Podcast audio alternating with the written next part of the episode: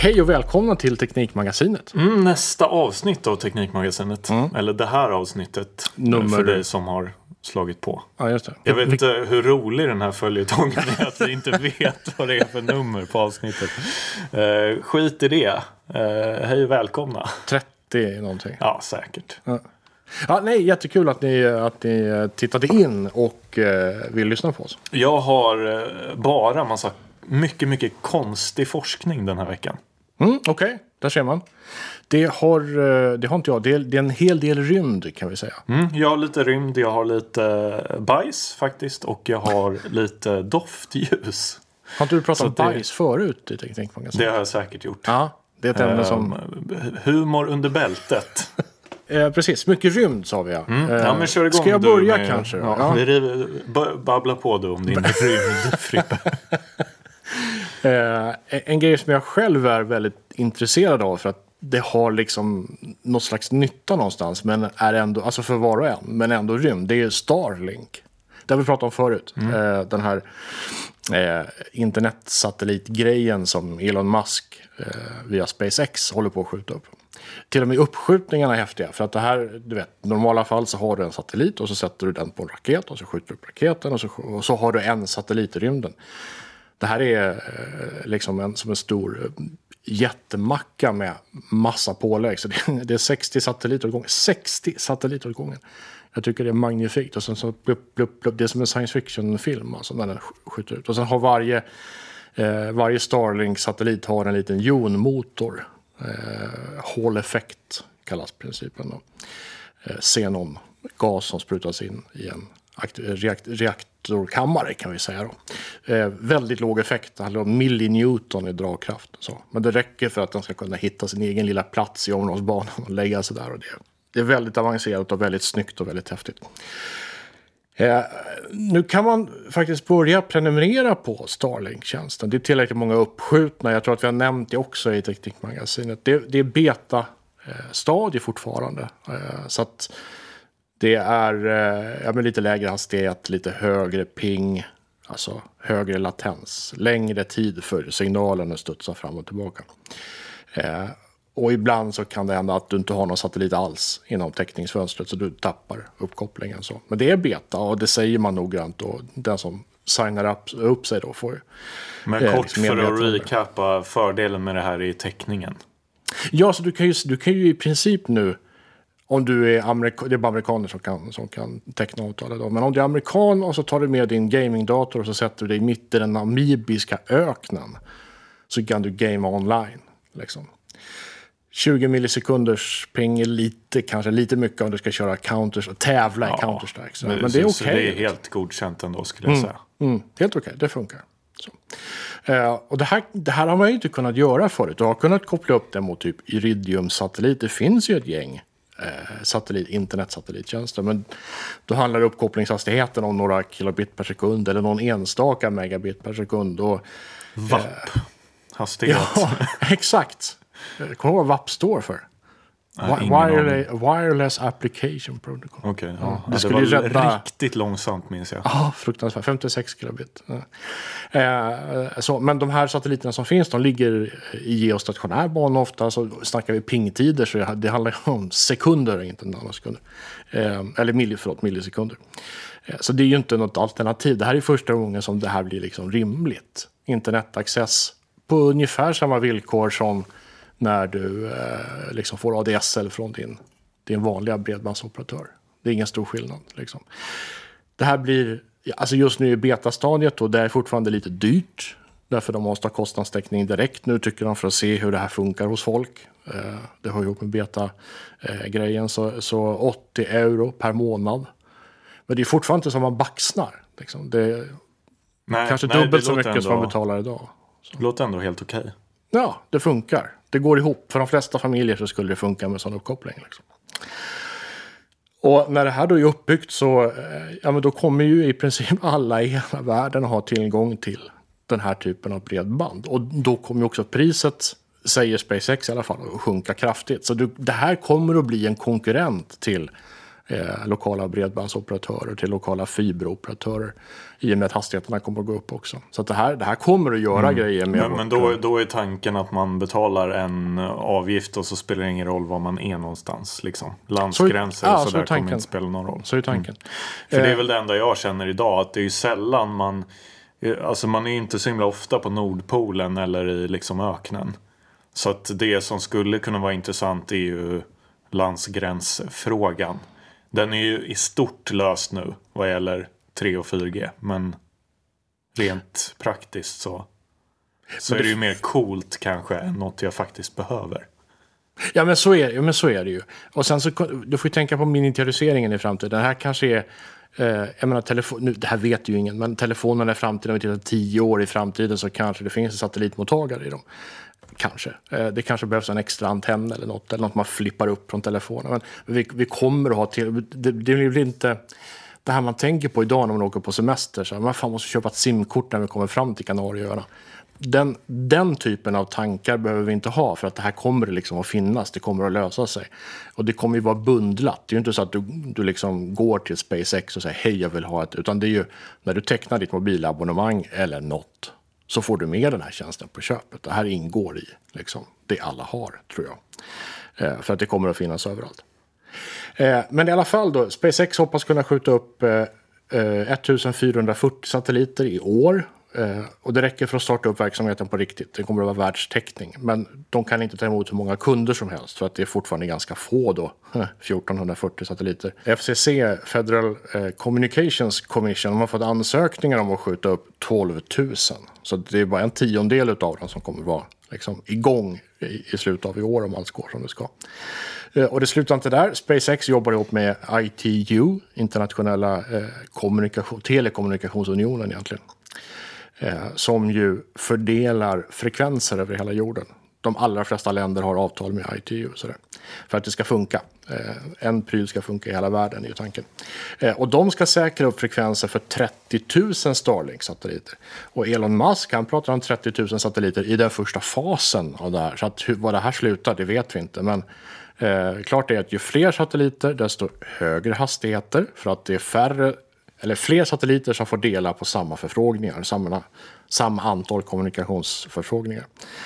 Eh, så, och det blir billigare. Och det här är så små satelliter så att de är så billiga så att de behöver liksom inte eh, funka jättelänge. Men funka- kör man ner dem och eldar upp dem i atmosfären då eller flyger de runt som Yes. skrot bara? Nej, de sänks i, i Stilla havet. Det finns internationella överenskommelser om det där. Det finns en kyrkogård, ett kyrkogårdsområde i Stilla havet där alla satelliter ska kraschas egentligen. Eh, så. Så att Tar de, man upp dem sen? Eller ligger de där? det, det mesta som inte är kolfiber brinner ju upp i atmosfären. Metall brinner ju upp. Eh, speciellt eh, liksom de metaller som används i den industrin. Så här, aluminium smälter ju. Blir som skiftet mellan eh, Finland och Åland här där folk höll på att dumpa kylskåp på typ 40-talet. Ja, men alltså det, det, om du, om du dyker botten. ner under den här platsen på Stilla havet så kommer du garanterat att hitta en massa rör från eh, raketdelar och sånt där. Mm. Vet inte om det är intressant eller värt någonting, men, men visst, det kommer det göra. Eh, så att de tas ur bruk, de kraschas i Stilla havet och så skjuter man upp en serie med 60 nya satelliter som får ersätta den senaste generationen. Och då har du ju ny teknik då i de nya, så att det här kommer ju uppdateras hela tiden. Det är ju nästan enklare att uppdatera den här tekniken i rymden med tanke på de låga kostnaderna när du skjuter upp så många samtidigt än att hålla på och skicka runt personal till basstationer och skruva. Eh, här bara byter ut dem och de byter ut sig själva. Får du bara upp dem i omloppsbana så styr de sig själva till rätt position. De är ju smarta på det sättet. Eh, så många fördelar. Eh, så då. Och USA, Elon och SpaceX, de är ju först. Det är ingen tvekan. Eh, och inte de med liksom internetsatelliter i sig då, det har vi varit inne på. Det finns ju andra. Och Ryssland har ju också eh, den här typen av kommunikationssatelliter. Eller inte, förlåt, inte den här typen, men de har kommunikationssatelliter. Alla Iridium, som används framförallt för militära ändamål. Så, men det finns. Eh, men man har nu i Ryssland utvecklat något man kallar för Sfera. Och det betyder sfär. Eh, så. Eh, och den, den principen bygger på 500 satelliter, så inte så många. Men istället så klarar varje satellit av många fler anslutningar. Eh, har mycket högre effekt. Eh, och kan eh, sända då större volymer data. Alltså du kommer upp i högre hastigheter. Eh, förmodligen för färre abonnenter men de abonnenter du har får en åtminstone potentiellt bättre service. så. Allt det här finns bara på ritbordet än så länge. Man har börjat tillverka i och för sig satellitkropparna. Så det, man har kommit igång. Det finns inte pengar för att, eh, för att skjuta upp dem. Ehm, eh, det är Roskosmos, alltså mm, ryska NASA, som står för planeringen. Eh, men det är militären och försvarsindustrin. Det militärindustriella komplexet man brukar prata om. Det är de som ska pröjsa för det. Så Svera står och stampar eh, helt enkelt för att det inte finns då några pengar att börja bygga upp sitt satellitnät. Men, men det kommer säkert. Det var ju likadant med Rysslands GLONASS-satelliter om du minns. Eh, USA har ju sitt GPS, Global Positioning System. Europa har ett eget som heter Galileo, tror jag. Yes, Galileo. Och Ryssland har sitt GLONASS. Eh, så. Och, Eh, det funkar ju bra. De flesta mobiltelefoner idag har alla tre eh, eh, satellitoperatörerna. Så att när du kollar på maps.me eller på Google Maps var du är någonstans eller vart du ska åka någonstans, då får du, beroende på telefonmodell förstås då, så får du eh, positioneringsdata Ja, de från som alla tre. har bäst uppkoppling. De som är bäst just nu. Och det kan vara liksom fyra GPS-satelliter eller två GLONASS, en Galileo och två GPS. Sådär. Eh, och det är jättebra. Och telefontillverkarna betalar en licensavgift till eh, GLONASS, Galileo eller GPS beroende på vilka kretsar de sätter in. Så allt det där funkar ju jättebra. Ryssland är verkligen med på banan eh, i ett internationellt samarbete som har funkat nu i flera år. Så det är jättebra. Men nu blir det ju kanske problem då. Eh, det blir ju huvudvärk för, för man tänker sig alla auktoritära stater. När vem som helst kan ha en ganska liten, dos. just nu så handlar det om ett trebensstativ och en grej som väger fyra kilo som du måste ha med dig. Men det där kommer ju minska. Eh, det finns redan mindre sån utrustning. Vi har ju våra kära kollegor i, i väster, Sveriges Radio, som åker runt med sin satellitlänk med en ganska liten dosa du kan sätta upp på en parkbänk eller vad som helst och få Eh, jättebra ljud hem till Stockholm. Sådär. Så det kommer ju här också. Och när vem som helst kan ha det, det här, det blir liksom, det blir strul. Om vi tittar på Ryssland då. Eh, jag menar, vi, vi har ju sett USA de senaste fyra åren med Trump och Fox och QAnon som har överlappat varandra för att skapa och, och liksom vidmakthålla en serie lögner. Eh, sådär, som slutade i stormningen av Kapitolium som hade kunnat sluta i inbördeskrig. Kanske, i värsta fall, vem vet. Och det här är ju precis vad Rysslands stats-tv gör varje dag. Eh, långt ifrån allting som rysk stats-tv gör är, är lögn. En del av journalistiken är bra. Allting är extremt välkomponerat och det är snyggt. Men det är vinklat på ett sätt som alienerar alla andra länder och som oavbrutet talar om ökande militära hot mot Ryssland och som oavbrutet framställer Putin i eh, god dager och alla oppositionella i dålig dager. Eh, så. Och internet är ju hårt kontrollerat och man har satsat enorma pengar på att bygga upp nationella ryska tjänster som ska vara lika bra som internationella ja, men V-kontakt istället för Facebook till exempel. Eller eh, Migogo eller Kino istället för Netflix och sådär. Ja, så att, Kina har ju också samma system. precis där. samma sak. Så att man ska uppmuntras att stanna kvar i det nationella internetet och aldrig behöva gå utomlands. Eh, så. Och då kanske man inte måste förbjuda eh, liksom allting istället. Så man kan verka lite mjuk på ytan men i praktiken så är det liksom rätt hårt. Och den trafik som går utomlands till utländska delar av internet är eh, övervakade. Och risken är ju att du råkar illa ut ifall du säger fel saker. Sådär. Som i alla auktoritära eh, samhällen. Och mitt i allt det här då så finns det ryssar som kan teckna abonnemang med ett amerikanskt bolag och komma åt eh, ett fritt internet varifrån som helst i Ryssland. Och det här gillar inte ryssarna. Man har infört böter. Den som kopplar upp sig via Starlink i Ryssland får böter på upp till 10 000 euro. Eh, så.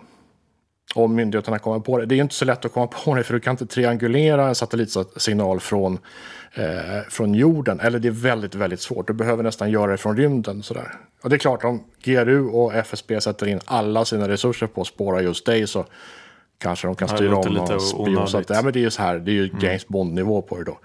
Så det är svårspårat och du kommer förmodligen inte att liksom åka dit för det. Så, så risken som, som Rysslands ledning ser det nu det är att alla ryssar kommer att ha amerikansk satellitkommunikationsteknik hemma.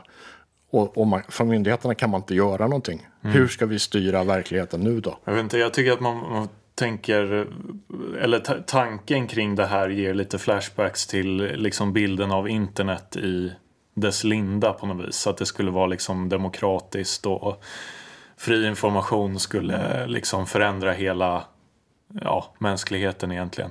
Men det blev ju inte riktigt som man tänkte. Ja, men det blev ju ett Ändå, maktinstrument istället. Eh, Det ser vi ju med allt från Iran till länder i Afrika till länder i Asien som, som använder internet som nästan som en belöning till folket. När det blir upplopp och kravaller då stänger man av det och så fort folk lugnar sig då slår man på det igen så att folk kan sitta hemma och instagramma.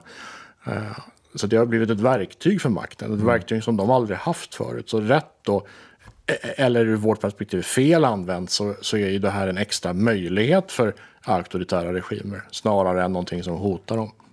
Men, men det här är en game changer, om du ursäktar uttrycket. Här kommer alla åt det internationella öppna De internet. hittar säkert på något sätt att strypa det där också.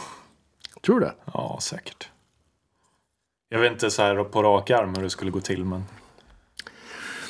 Ja, men jag vet inte, inte utan att starta krig tror jag. USA Mm. har ju i sin försvarsdoktrin sagt att all, alla, eh, vad heter det, alla försök att stoppa kommunikationen mellan amerikanska satelliter eller tillgångar i rymden eller hur man har uttryckt det eh, ses som en krigsförklaring.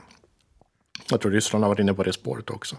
Så att det är klart att du kan stoppa satellitkommunikation. Du behöver bara rikta en tillräckligt stark eh, energistråle, alltså laser typ eller något sånt där mot, mot en, en satellit. Och du kommer ju, belyser den med tillräckligt hög effekt så kommer den att gå sönder. Det är ju inget snack om det. Så ja, vi får se förstås hur det, hur det går doftljus, har du mycket sådana hemma? Eh, jag har faktiskt det. Har jag är du en det? stor proponent för doftljus. Jag Okej. älskar doftljus. Det hade jag inte alls väntat mig faktiskt. Nej, jag jag, vet. jag tycker doftljus är vidrigt verkligen. Eh, skit i det. Ka- Kate Petrova heter en kvinna. Eh, hon har scrapat och sammanställt eh, statistik på recensioner av ungefär 20 000 doftljus på eh, e-handelssajten Amazon. Ehm, det hela började med att eh, Kate som är forska, forskare, hon satt inne på Twitter och då såg hon eh, en eh, annan kvinna vid namn Terry Nelsons tweet som skrev att det är en jäkla massa arga tanter här på en doftljustillverkares hemsida som håller på att lämna recensioner där de argt skriver att doftljusen inte luktar någonting. Eh, och det kan man ju förstå att man blir arg på. Om man köper ett doftljus som inte luktar Det är väl själva grejen liksom. de ska- Mm. Eh, I en bisats då i den här tweeten så, så eh, skrev hon också eh, Jag undrar om de eh, svettas och inte känner smak heller.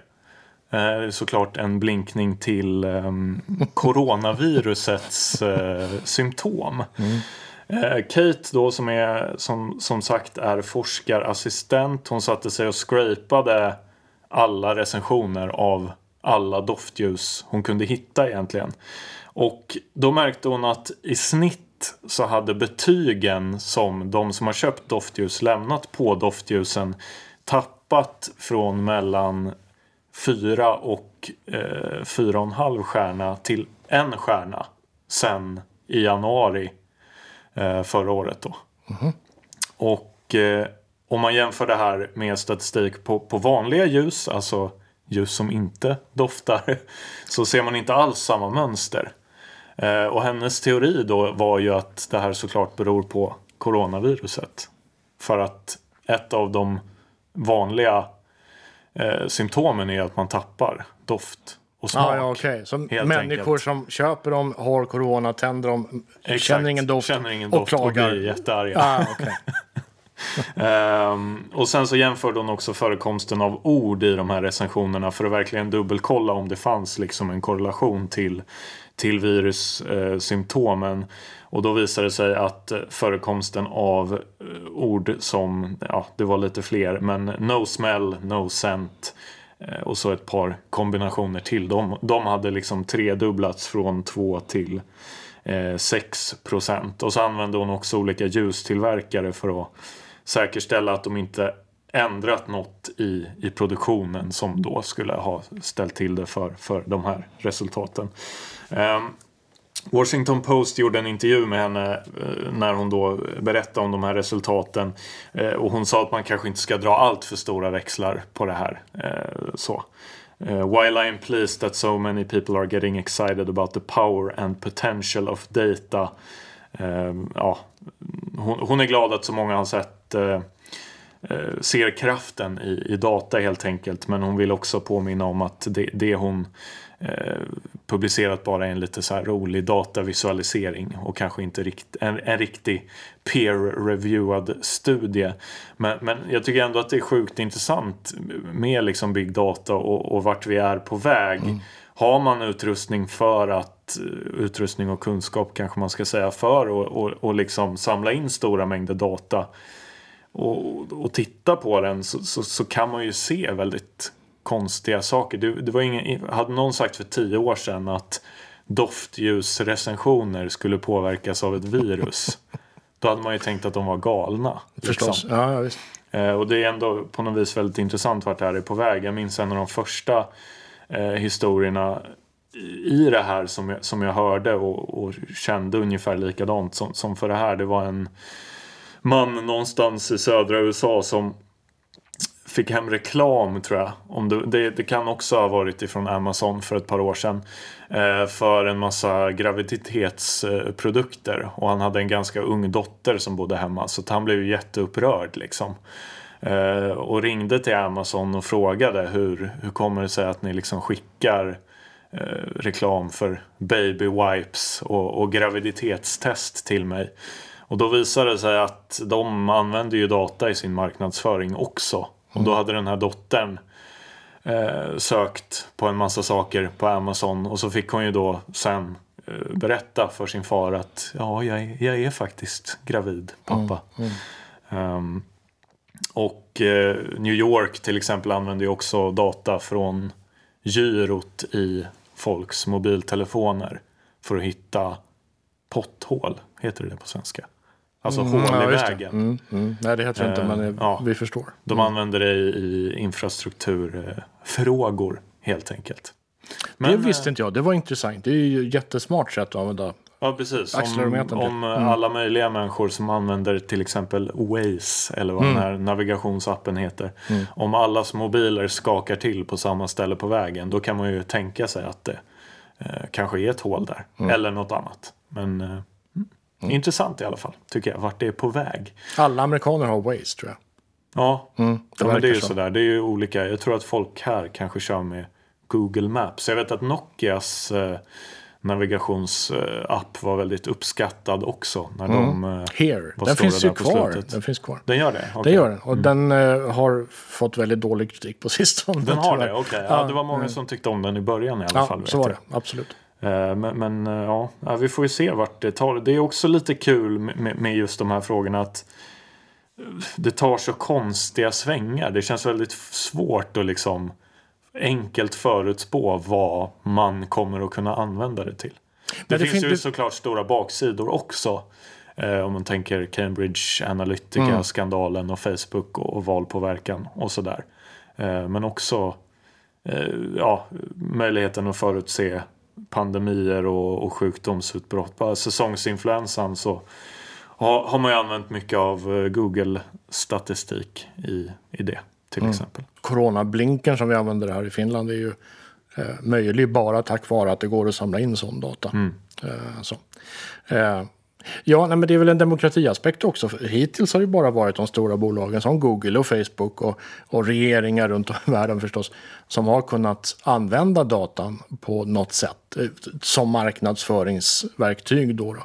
Men när man själv kan skriva en kod och som du säger då scrapa eh, information från en stor, stor mängd, ett stort antal eh, liksom webbserver och, och webbsidor runt om i världen för att, för att liksom skapa egen statistik. Det tycker jag är en jävligt skön tanke faktiskt, mm. att möjligheten finns.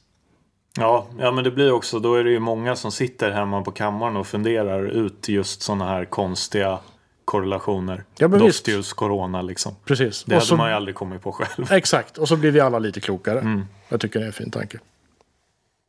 Eh, Okej, vi går vidare. Vi var ju i rymden här nyss. Vi ska tillbaka lite grann. Eh, jag vet inte om du känner igen namnet Jim Bridenstine. Eller, ja, jag tror att det uttalas Bridenstine. Absolut inte. Vi har, vi har nämnt honom.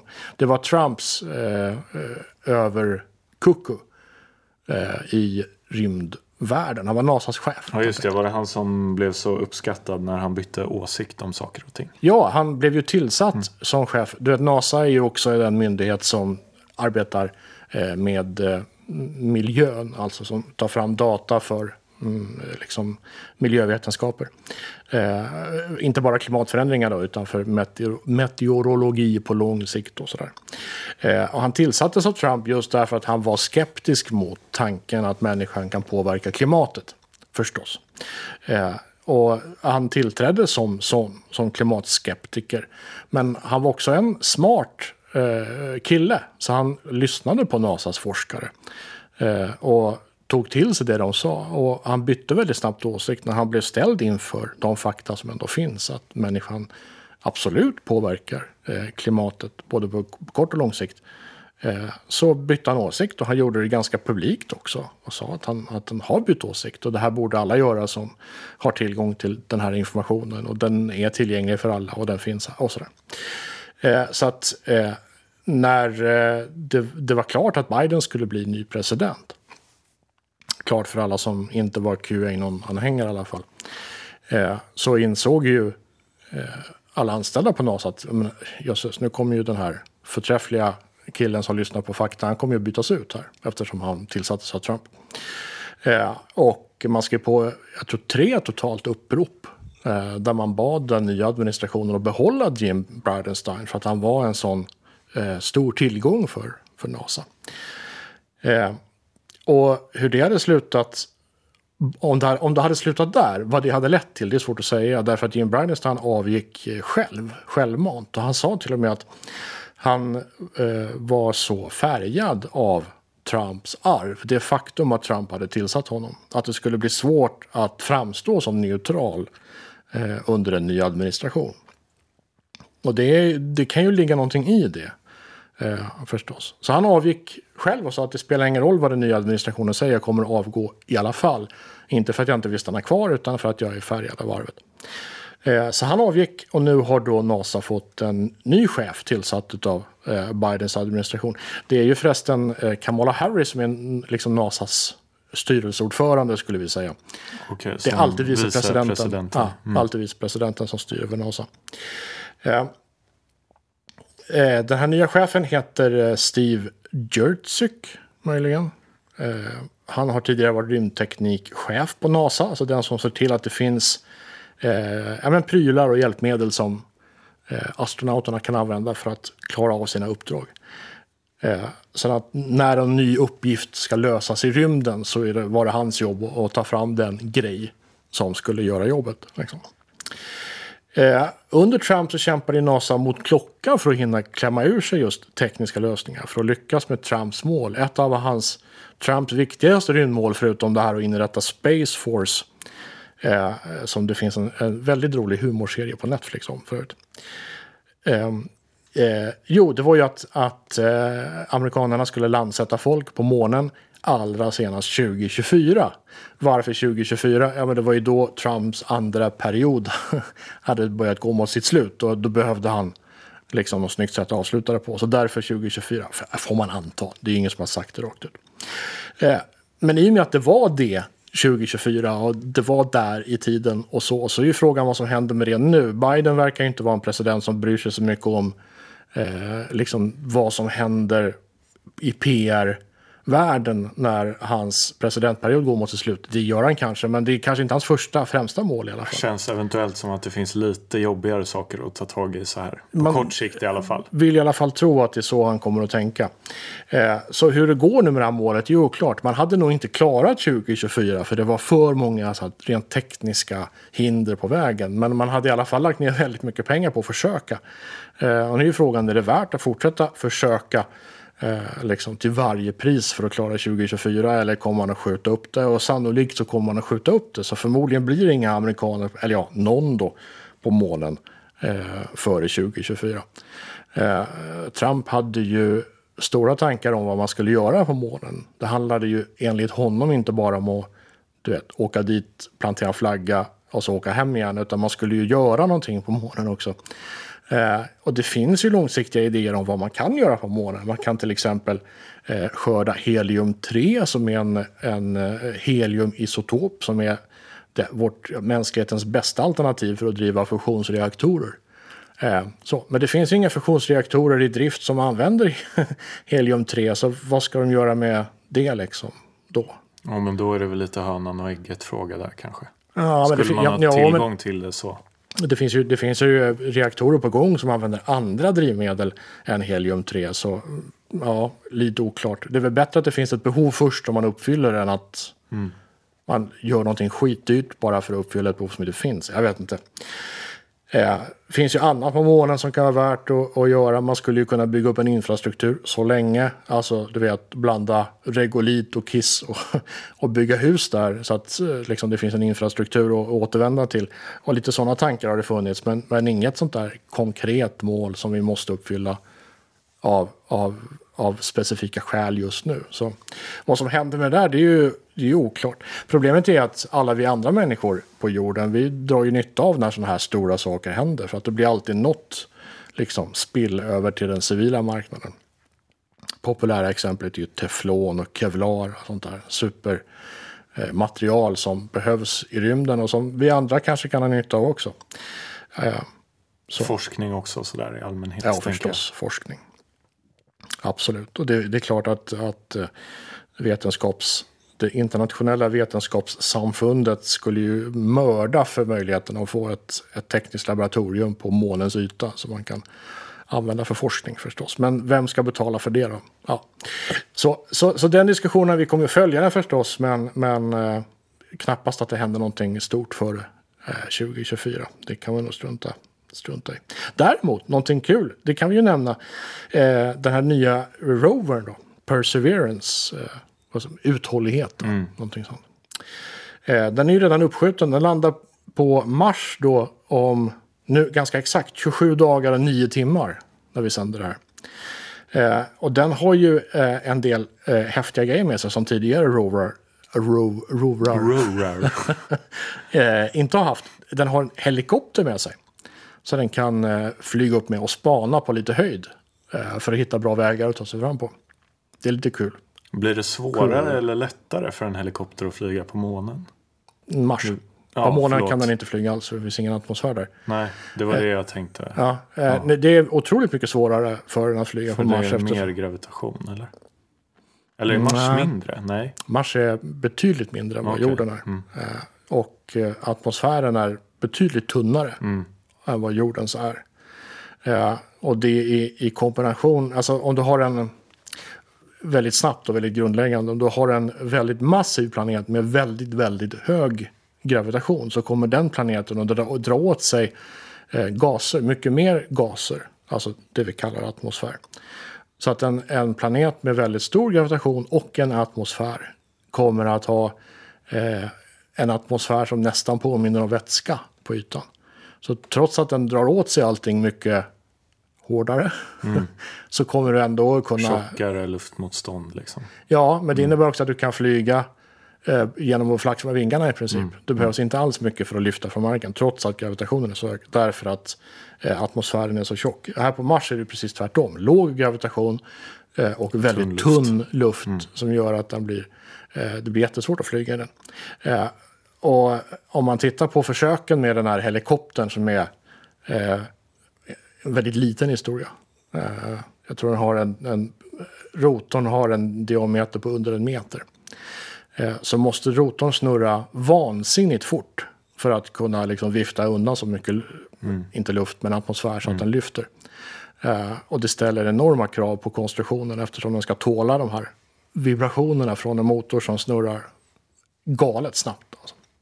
Men, men fördelen blir att den kan ju spana efter grejer Eh, på ytan som eh, är för små för att en satellit ska kunna upptäcka. Så den ska kunna hitta bättre eh, liksom färdvägar framåt. Så. Men den stora grejen är att den är utrustad för att kunna hitta liv. Och det har egentligen ingen annan robot varit. Dessutom så har den med sig utrustning för att kunna skicka tillbaka prover alltså regolitprover, markprover till jorden.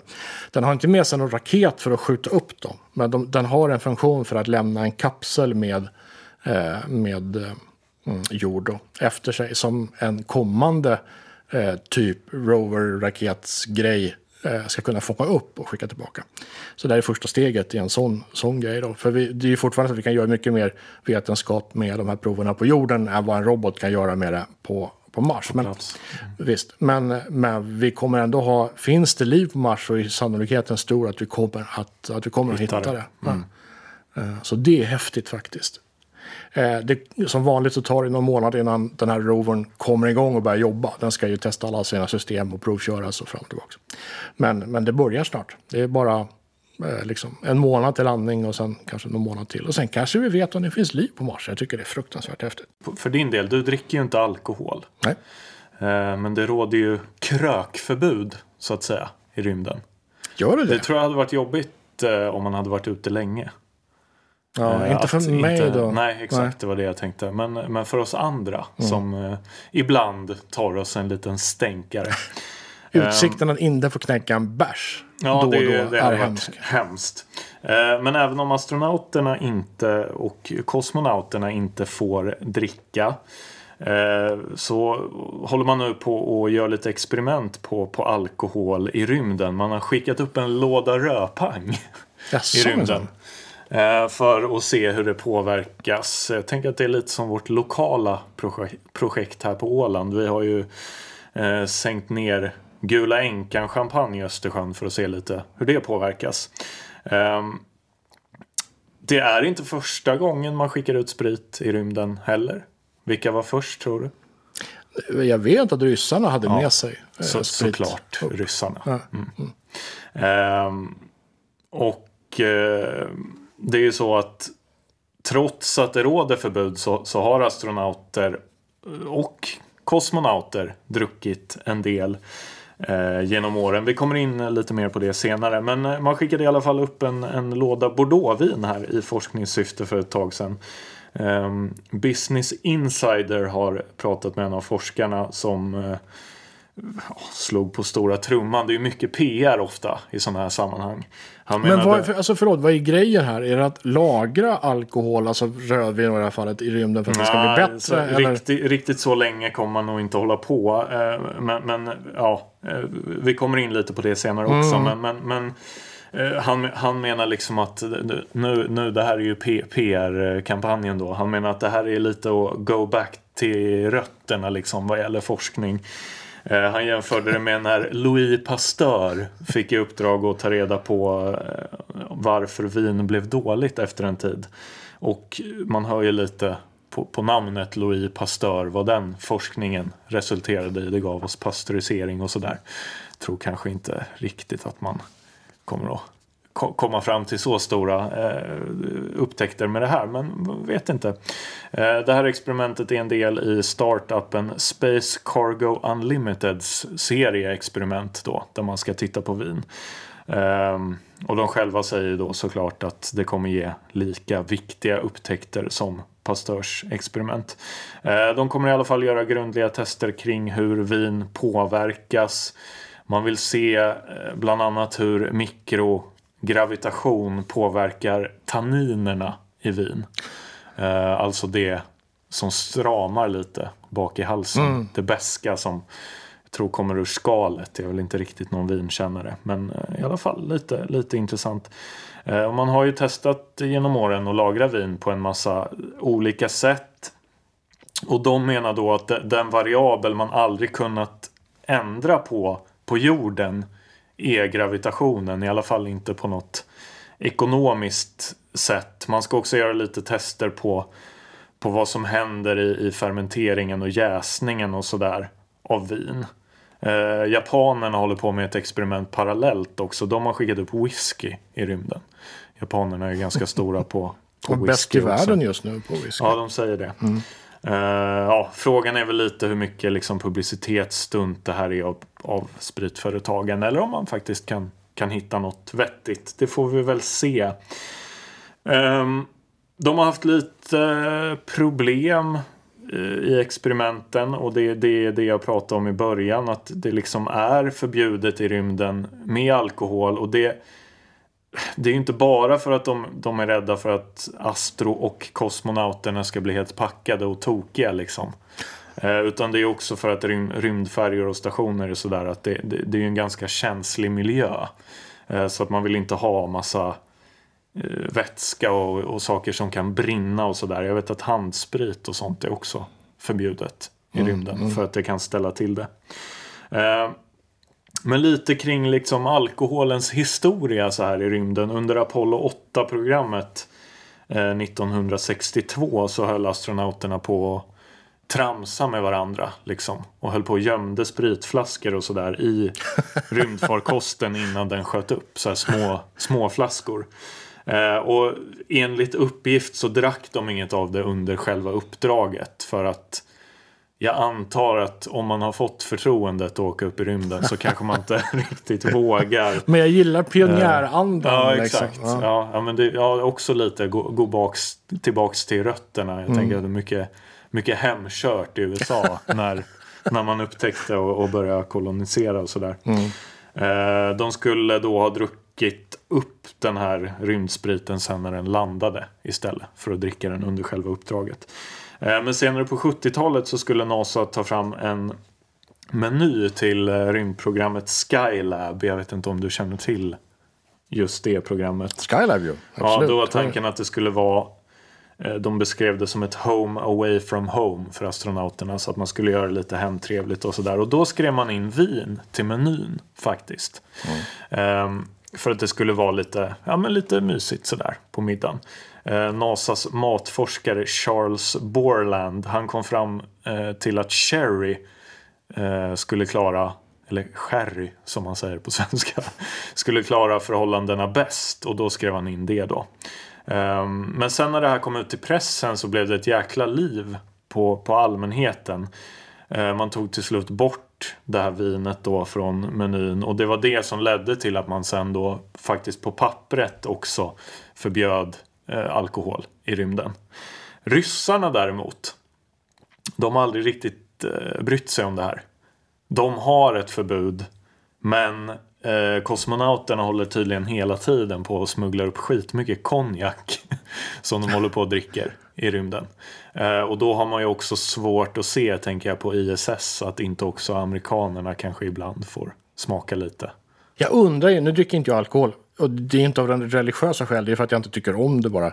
Men jag undrar hur en riktig sån där praktfylla skulle upplevas ja, i alltså Det tillstånd. måste ju vara helt fruktansvärt. Jag tänker att eh, det är så här, om man kanske har druckit något glas för mycket och ibland eh, vet jag att det här har aldrig hänt mig tror jag. Men vissa beskriver att de behöver sätta ner foten på golvet när de ligger i sängen. Mm. För att det snurrar. Mm. Och då tar ju det bort lite för att man liksom får kontakt med jag något fast mm. på något vis. Mm. Det måste ju vara helt om... Alltså tyngdlöshet dyngrak. Det låter ju fruktansvärt. Ja, jag undrar om någon har varit riktigt full jag i rymden. inte det. det jag känns... tänker den här pionjärandan och ryssar i kombination. Ja, men känns det inte för... Alltså om man nu har gått igenom hela liksom astronaututbildningen. Det känns ju inte som att man är någon som är stökig och blir full när man inte borde bli det. Nej. Nej, det är ju sant förstås. Det är ju sant. Men eh, ja, det blir väl billigare framöver kanske. Åka ut i rymden. Då kommer ju någon säkert testa. Tänker någon sån rik. Riking. Rikes, ja. Riktig champagnefylla i tyngdlöshet. Vidrigt. Okej, okay. ja. ja, detta med detta. Vi, vi går vidare då. Mm. Eh, vi ska prata processorer tänkte jag. Det går inte så bra för Intel. Nej. Det här har vi ju också berört flera gånger. De blir eh, omkörda av AMD. Hela tiden känns det som. Eh, och, ja, på senare tid ska vi väl säga då kanske. Jo, eh, precis. Men flera gånger den sena, senaste tiden. Och det handlar ju om eh, det här senaste rycket med parallellisering. Alltså Intel är väl kanske egentligen inte eh, ja, men jättelångsamma om man tittar sådär, kärna för kärna och, och struntar i vad värmeutvecklingen blir. För du kan, eh, och det är en av fördelarna med Intels processorer. Du kan överklocka rätt ordentligt utan att de liksom spricker. Så, om du bara kyler dem ordentligt. Sådär. Eh, och det är ju värmeutvecklingen som ställer till det i alla datorer som inte är, är eh, liksom stora och har mycket luftvolym för att kyla eller som är vattenkylda. eller sådär. Och i sin strategi då med begränsad eh, parallellitet också. Det här påverkar ju. Och AMD har ju visat sig vara mycket starkare på, på att, så att säga, vinna äkta prestanda på att koppla ihop flera kärnor. Väldigt många kärnor dessutom. Eh, och göra det utan att alltihopa brinner upp. Liksom. Så det är den här energieffektiviteten kopplat med hög grad av parallellisering som ger äkta prestanda eh, utöver vad Intel kan göra just nu. Det har gått lite i vågor, som du säger. De senaste två åren, tre åren till och med tror jag, så har ju det här varit ett, eh, ett, ett, en ständig strid. AMD kommer med fler kärnor i sina processorer, Intel ökar klockfrekvensen eh, och sen så liksom fortsätter det på det sättet. Och så har vi Apple som, som eh, liksom blev så irriterade på, på det här då med värmeutvecklingen framför allt. Så man bara slängde alla internetproppar och sen så bad man ARM då tillverka en, en egen processor som skulle kunna köra åtminstone simulerat ett, eh, x86 och x64-kod. Och har visat sig göra det otroligt bra. Eh, med samma eller lite högre prestanda till och med än Intels processorer och med mycket lägre värmeutveckling. Och det här har gjort att framförallt bärbara datorer, eh, Apples eh, Mac Pro-serie, eh, de kan köra med full prestanda utan att de trottlas ner på grund av värmeutveckling. Mac, och det är en, Macbook-serie. Macbook, förlåt. Eh, tack. Ja, så, och det, det är ett jättesteg framåt. Samma dator har plötsligt fått en prestandaökning på jag menar, jättemycket för samma pengar. Så det är ju ett, ett otroligt lyft. Sådär. Men det här innebär ju också allt det här tillsammans då, AMD och ARM eh, i det här fallet då, att Intel krisar. Och nu har de sparkat sin vd. Eh, sedan många år, Bob Swan. Eh, det har inte varit liksom avsked på grått papper, han har inte fått bara lämna. Han har till den 15 februari på sig Eh, och packa upp eh, grejerna i sitt tjänsterum. Det är ju schysst kanske då. Men inkommande vdn eh, Pat Gelsinger eh, som för övrigt är den, kan vi säga, ingenjör som ritade 486-processorn. Han tar över. Eh, och, då, och då kan man ju vara elak och säga att det var han som la grunden för alla problem som Intel har idag. För det var han som ritade 486-arkitekturen. Och det är ju den som man inte har lyckats utveckla så mycket. Det som ledde fram till Intel Pentium, Pentium 2, Core Duo och i3, i5, i7, i9 som vi har idag. Det är i princip samma arkitektur. Och man kan inte göra så mycket så man jobbar sig runt begränsningarna istället då med olika tilläggsfunktioner som allihopa drar klockcykler. Liksom. Eh, ja, i alla fall. Han har fått jobbet som ny vd. Eh, han har hunnit hålla sitt installationstal och hans främsta besked är att Intel i framtiden ska jobba med externa tillverkare. Det är hans recept på hur Intel ska bli stort igen. Så Intel gör en Apple och vänder sig utanför huset för att ta fram nya generationer av processorer. Mm. Och det här är ju hyfsat oväntat med tanke på att Intel är världens fjärde största eh, processortillverkare. Jag säger, det, det låter ju desperat tycker jag. Jag Mm. tänkte att det kändes som att de skulle ha något eh, nytt eh, R&D att i bakfickan. som ja visst, skulle kunna något. S i rockärmen som Men nu. det här är ju bara panik känns det som. Yes. Så, vad blir resultatet? Som jag sa, Intel är fjärde största. Den största processortillverkaren på jorden eh, är ju TSMC. Taiwan Semiconductor Manufacturing Company. Det är de som tillverkar alla Apples processorer. Du vet A14 och M1 nu då senaste och sådär. Eh, och på uppdrag av, av andra. De har egna processormodeller och de har en lång rad med olika eh, processortillverkningslinjer, etsningslinjer och sådär. De kan göra i alla tänkbara, du vet 7 nanometer, 8 nanometer, 14, 12. Så TSMC kan ju tillverka i princip allting som Intel kastar på dem och dessutom eftersom de lägger så mycket på forskning och utveckling så kan de förmodligen också du vet, förbättra deras grejer. Men det innebär att Intel går från att vara ett eh, CPU-tillverkningsföretag till att vara den som äger de intellektuella rättigheterna och sen låter andra tillverka. Eh, och jag vet inte om det här är bra eller dåligt ärligt talat. Det är ju kampen mellan Intel och i första hand AMD som gör att vi får lägre processorpriser. Men om allting tillverkas av samma tillverkare som sätter priserna så blir ju, jag tror inte att det gynnar konkurrensen i alla fall. Nej. Eh, men det är planen. Intel ska outsourca sin processortillverkning, säger nya vd. Hur Innan, innan vi slutar. avslutar så ska jag fortsätta och dra ner det här avsnittet under bältet och rakt ner i avgrunden. Ja, men vad härligt. Ehm, Smarttoan kommer. Vad tror du den gör? Snabbt. Vill jag veta? Nej, Nej. men eh, du kommer få veta ändå. Okej. Den analyserar ditt kiss och bajs Nej. för att ge tränings och kostråd. Men jag vill inte veta det. Nej, jag vet. Men eh, det kanske finns andra. Toto i alla fall heter det japanska företaget. Japaner Sta- älskar smarta datorer. Ja, Mm. också stackars bandet nu och blir förknippat med det här. Ja, just det. Ehm, De släpper sin eh, Wellness Toilet någon gång snart i framtiden. Eh, De är väldigt, väldigt, väldigt vaga än så länge. Det är bara ett koncept. Men eh, den kommer att ha multi- multiple cutting edge sensing technologies. Ehm, De tänker sig att den varje gång en person sätter sig på toan så ska den eh, spåra och analysera eh, personens mentala och fysiska status. enligt ett pressmeddelande. Eh, Och den ska kunna ge tips ifall att den upptäcker att man har en obalanserad diet. Typ ät mer fibrer. Det är lite, det är lite vad ska vi säga, högt här på Bristol Stool Chart kanske. Något i den stilen. Sajten eh, Mashable har pratat med bolaget bakom toan och de menar att det är ganska mycket forskning som pågår på området. Jag vet att, jag har för mig att vi har eh, pratat lite om det här. Man, man vet ju inte riktigt eh, ännu hur, vad själva eh, ja, bajsdatan kan säga eller vad vi nu ska kalla den. Eh, Man håller ju på att utveckla mycket wearable och wearables och hälsodatateknik och sådär.